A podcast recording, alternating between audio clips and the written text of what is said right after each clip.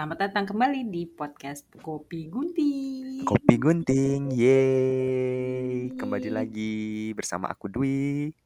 Dan aku Nita di Kopi Gunting. Nah, Mhm. hari ini kita mau ngobrolin apa nih, Wi? Hari ini, Wi, Ngobrolin hal-hal yang sedang krisis belakangan ini.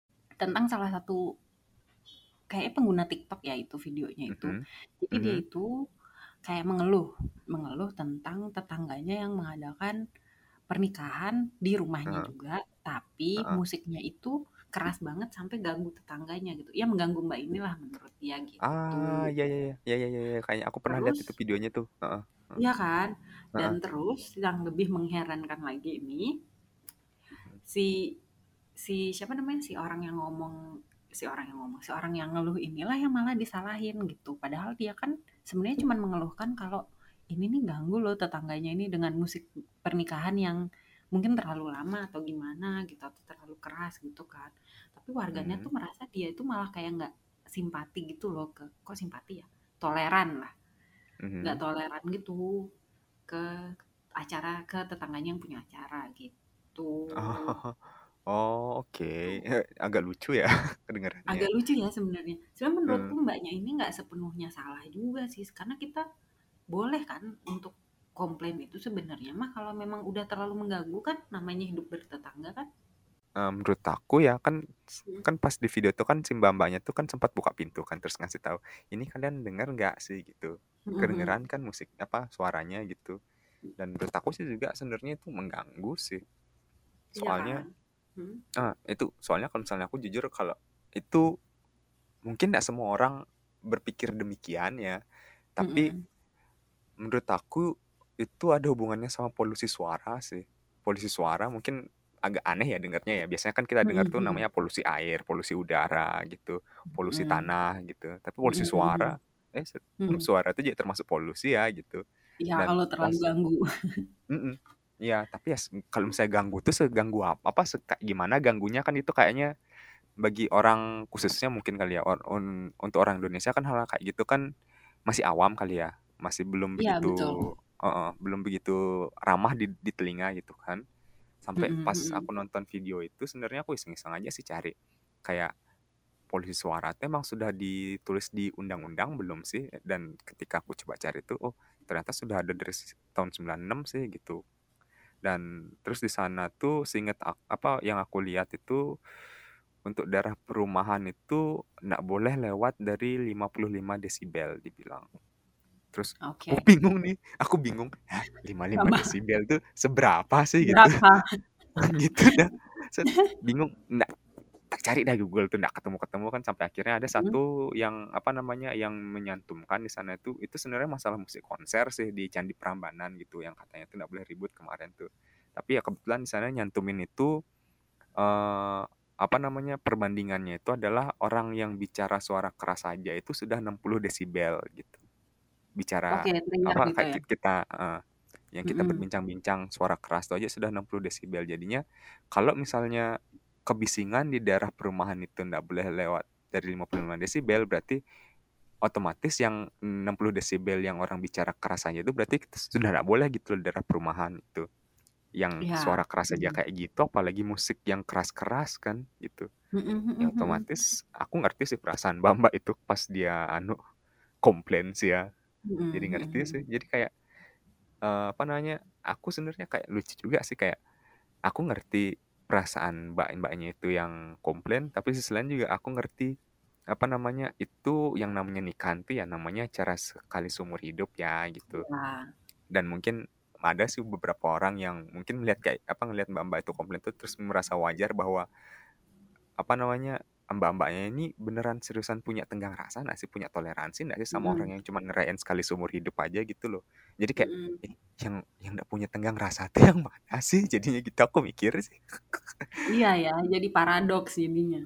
ah kurang lebih kayak Mhm. gitu jadi kayak apa sih toleran tuh sebenarnya tenggang rasa tuh apa sih gitu Mhm. jadi kayak bukannya em, aku sempet cari-cari sih gitu kayak di Mhm. kamus ya kayak aku dari dulu nyari di kamus tuh kayak biar lebih cepet dicerna aja sih gitu Nah, jadi Kamus Besar Bahasa Indonesia itu tak buka, terus akhirnya Mmm. yang aku dapat dari tenggang rasa itu sama dengan toleransi, sama dengan dapat ikut menghargai atau menghormati perasaan orang lain. Gitu sih. Jadi ya eee, kalau misalnya dipikir-pikir sih ya kalau misalnya kita lihat tadi dari pernikahan tuh kayaknya emang nggak bisa menghargai perasaan tangganya sih yang mungkin perlu Mhm. ketenangan ya gitu. Iya. Atau Atau mungkin kalau mungkin emang mhm, ya gimana sorry gimana? sorry sorry.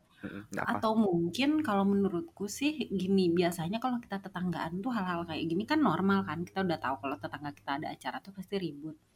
Mhm. Tapi kalau ributnya itu mungkin terlalu lama, atau mungkin Nah. gimana ya, mungkin di luar batas gitu loh ya. Mungkin karena itu si Mbaknya itu marah. Aku sih kurang mendalami sih ya, Mmm, eee, apa, iya. kasusnya itu selanjutnya gitu. Heeh. Tapi kalau menurut aku sih kita harus cek juga itu. Kadang-kadang emang yang bikin acara tuh keenaan gitu loh. Namanya kita bikin acara kan euforia-euforia, terus Mmm. kelupaan aja gitu sama waktu, gitu sih aku mikir ya. Ah, ada juga yang Gitu. kayak gitu ya, heeh, aku baru ingat sih. Mhm Heeh. mhm, gitu. Saking sukarianya tuh orang-orang tuh kadang Iya, kebablasan. lupa ya, Mhm, heeh, itu dah. kadang-kadang mah gitu. Ya udahlah ya, kita mah ngertilah la gimana namanya, lagi acara kumpul-kumpul, terus mungkin saudaranya jauh-jauh dateng, terus jadinya ya ya Mhm. gitulah ya. Padahal Iya mungkin maksudnya nggak selama itu gitu. Kadang-kadang tuh Mhm. gitu sih memang. Iya sih biar semuanya ikut rame ya gitu maksudnya. Mhm ngerti sih, mhm, mhm, mencoba gitu. ngerti. Ya tapi ya bukan berarti, apa namanya, bukan berarti Mmm. kita, apa, harus ngerelain hubungan kita sama tetangga ya, yang walaupun notabene itu Nah. tetangga mungkin tanda kutipnya tuh bukan siapa-siapa ya gitu. Ya bukan Iya berarti iya demikian sih. Mhm. Eee, iya kurang lebih gitu sih, agak Mhm. susah juga sih kalau sudah kayak Mmm. gitu. Bener bener, tapi menurut eee, walaupun tetangga itu kadang tuh bukan siapa-siapa bukan kadang ya, seringnya tuh bukan siapa-siapa kita ya, saudara bukan, apa bukan gitu ya. Tapi Mhm. menurutku punya tetangga yang baik itu sebuah privilege loh yang ya cukup sulit Ah. didapatkan nggak sih? Kayak kita Iya. tuh soalnya bakal hidup lebih sering sama dia banding keluarga kita kan. Iya, yang keluarga-keluarga tetangga jauh kita itu bener, kayak uh, gitu. Iya sih, iya loh. Mhm. Soalnya emang kadang, ya kalau Mmm. misalnya ba baca-baca, apa namanya, eee, cerita-cerita di anu, sosmed itu kadang, Mhm. ya khususnya ad ada sih sebuah, apa namanya, halaman tertentu yang memang ceritain masalah tetangga tuh ada. Iya ada. Ada? Iya iya iya, kayak gitu Seriusan? situ kan heeh, jadi kayak, "Ih seriusan ya emang tetangga ini emang ada ya?" Jadi kayak kadang-kadang Mmm. tuh aku kayak heran aja, "Eh ternyata apa yang ada di sinetron tuh kayaknya beneran emang beneran ada dunia nyata ya?" Gitu.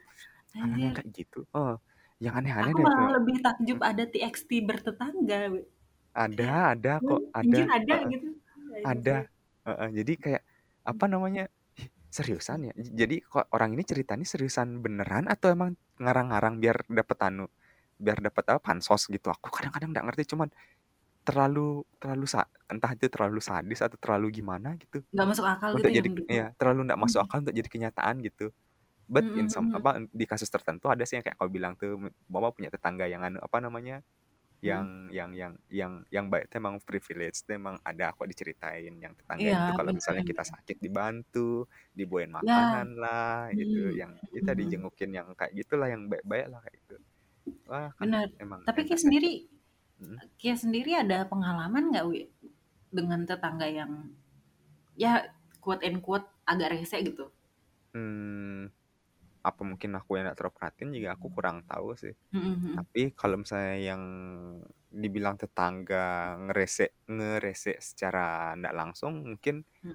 dengan tetangga yang melihara peliharaan gitu kan, melihara Mhm. ayam, kayak melihara anjing gitu, terus tiba-tiba Mmm. masuk ke halaman ka apa, ke halaman rumah kan, yang kebetulan waktu itu, apa namanya, dulu sih belum dipagar ya. Terus kebetulan juga halaman halaman rumahku tuh juga besar, jadinya, eee, banyak dah tuh dah kayak ayam tuh terbang, terus anjing tuh masuk ke sana, terus tidur-tiduran, apa gimana, nyari ya merumput lah kayak gitu kalau misalnya ayam tuh. Terus ya itu, hadiahnya ya kita dapat kotorannya sih gitu ya. Itu rese sih gitu. Mhm. Tapi Apalagi kalau iya misalnya dia banget itu, mhm, bener bener. heeh, persis dah gitu. Jadi ya itu emang susah, cuman gimana ya gitu, dibilang Mmm. kasih tahu juga aku nggak tahu sih, soalnya itu urusan ibuku sih dulu yang ngasih tahu gitu tuh.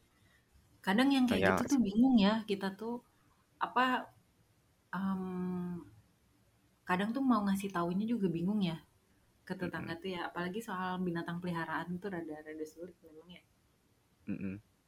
Itu dah tapi sebenarnya kalau tuh orang melihara binatang tuh harusnya dia tahu sendiri gitu. Maksudnya jangan sampai ngeganggu orang lain lah gitu. Kalau sampai kayak iya. gitu sih menurutku patut untuk dikasih tahu sih. Dikasih tahu aja dibanding eh kayak tanteku.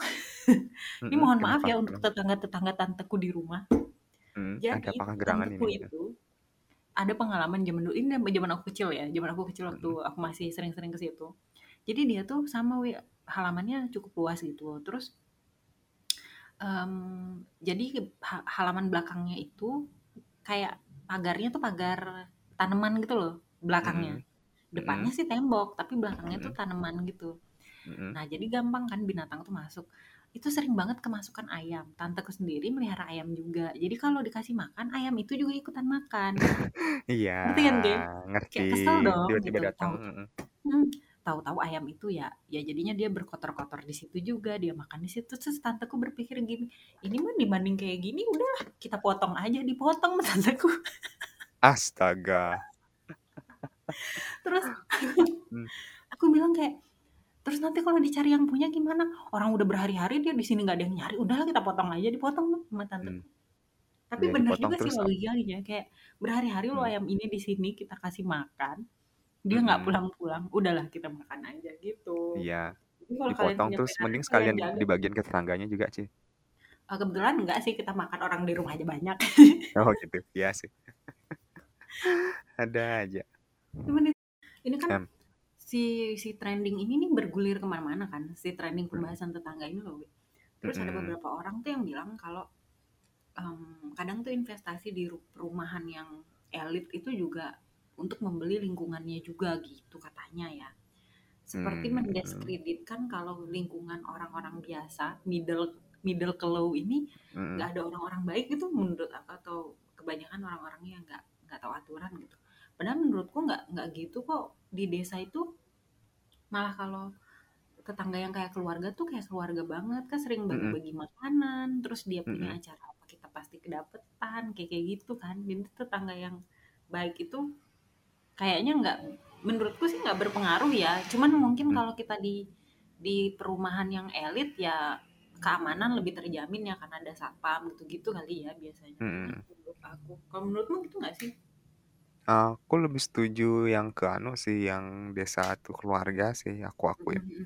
Soalnya karena ya namanya komunitas kecil ya, kalau misalnya mm. bukan sama tetangga sendiri yang apa yang bisa saling bantu, ntar ke siapa lagi gitu loh. Apalagi kalau misalnya loh kita ngomongin nah, ngomongin desa kan yang notabene tuh yang di bayanganku tuh adalah ke mana-mana tuh jauh gitu. Jadinya kalau misalnya bukan sama tetangga yang kita bisa minta tolong ya ke siapa lagi kan. Jadi itu dari sana lah mereka solidaritasnya tuh ke- kuat sih biasa di desa tuh. Kalau misalnya ada apa-apa tuh, eh, jadi Mm, kayak bisa saling berkabar lah gitu ya. Cuman kadang-kadang jeleknya itu adalah ketik eh, mm. kita jadinya tuh jatuhnya tuh semakin nanya entah kita nanya kabar atau entah basa-basi atau gimana tuh ya ujung-ujungnya pasti akan ada yang namanya gibah sih. Iya. itu mah kayaknya ini ya culture Mm. Iya, jadi ya kayak gimana ya? Padahal cuman kalau misalnya aku bayangin sama desa aku yang di Lombok sih kayak mau keluar naik motor ketemu kan sama anu sama tetangga kan. Eh mau ke mana? Ya nih mau ke sini dulu. Ya apa namanya kayak ke anggaplah kita sebutin spesifik tempatnya kan kayak gitu. Nah ntar si yang kita sudah sapain tetangga ini ntar dia ngomong dah ke tetangga, eh tadi saya a- a- apa saya ketemu sama Dwi dia katanya mau ke sini loh gitu ya terus entah ada rembetan-rembetan yang lain lah kayak gitu mungkin omongan-omongan yang lain dari Iya iya sebuah iya. anu dari sebuah salam itu gitu loh.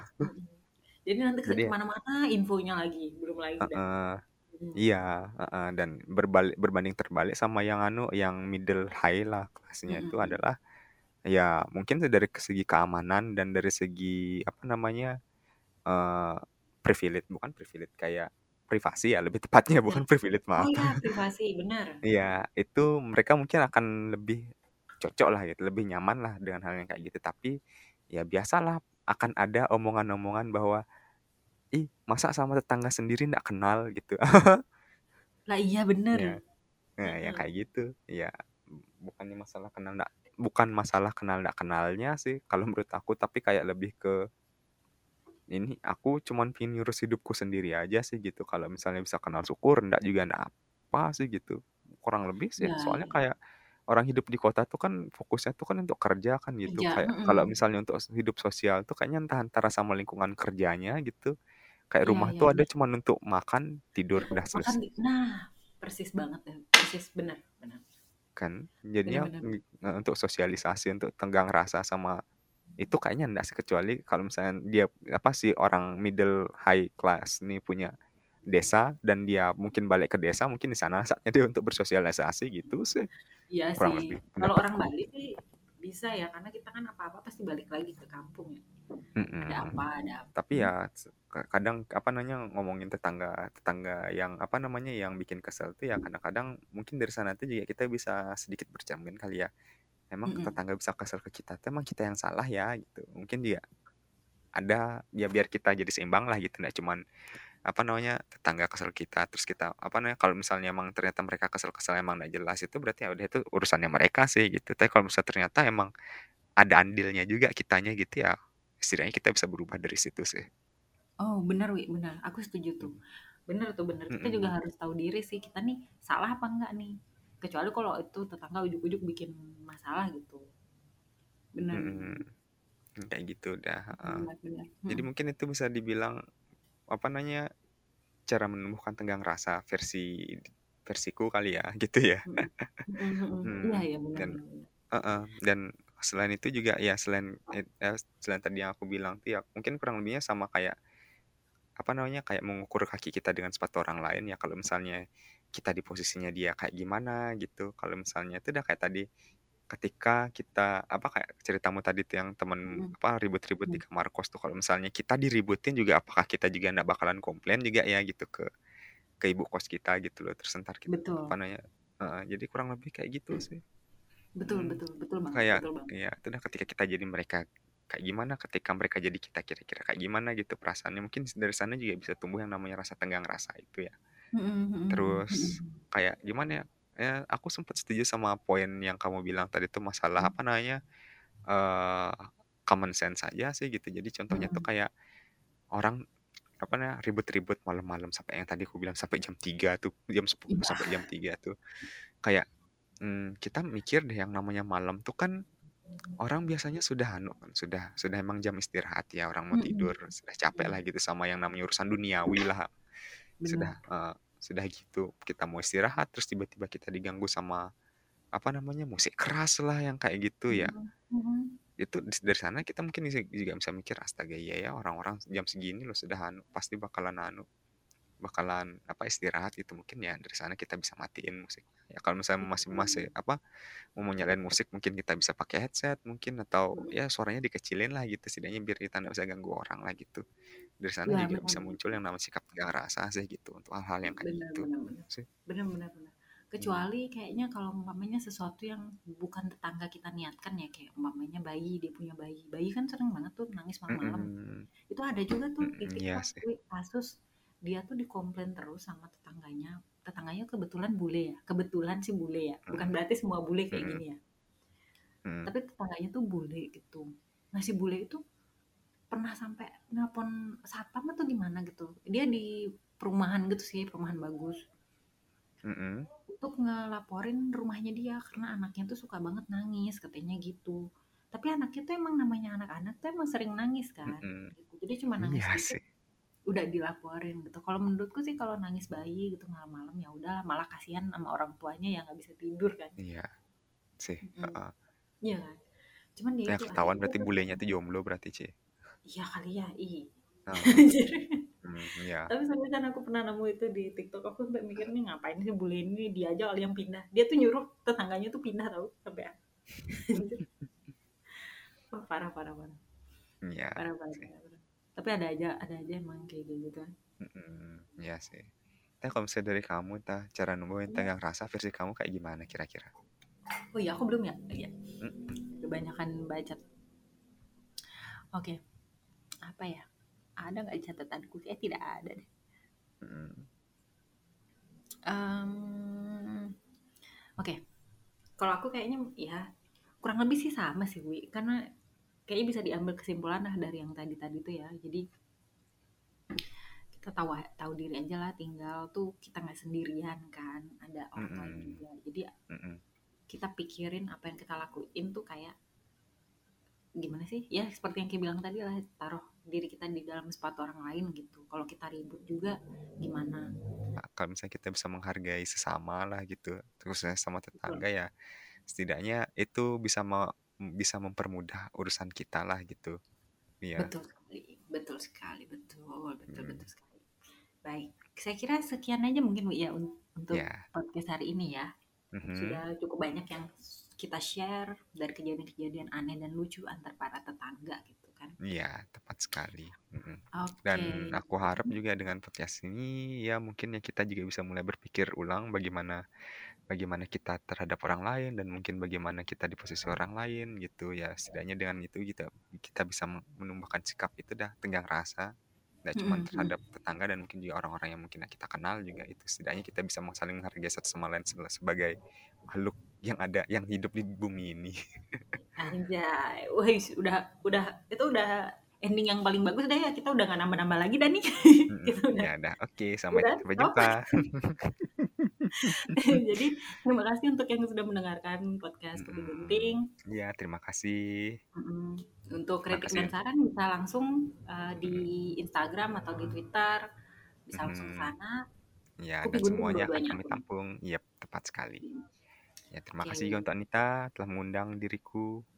Iya, terima kasih juga buat Dwi untuk ada lagi dan terus menerus di sini. Baiklah, kayak gitu sampai jumpa lagi di kesempatan berikutnya. Sampai jumpa. bye. Bye-bye. Bye.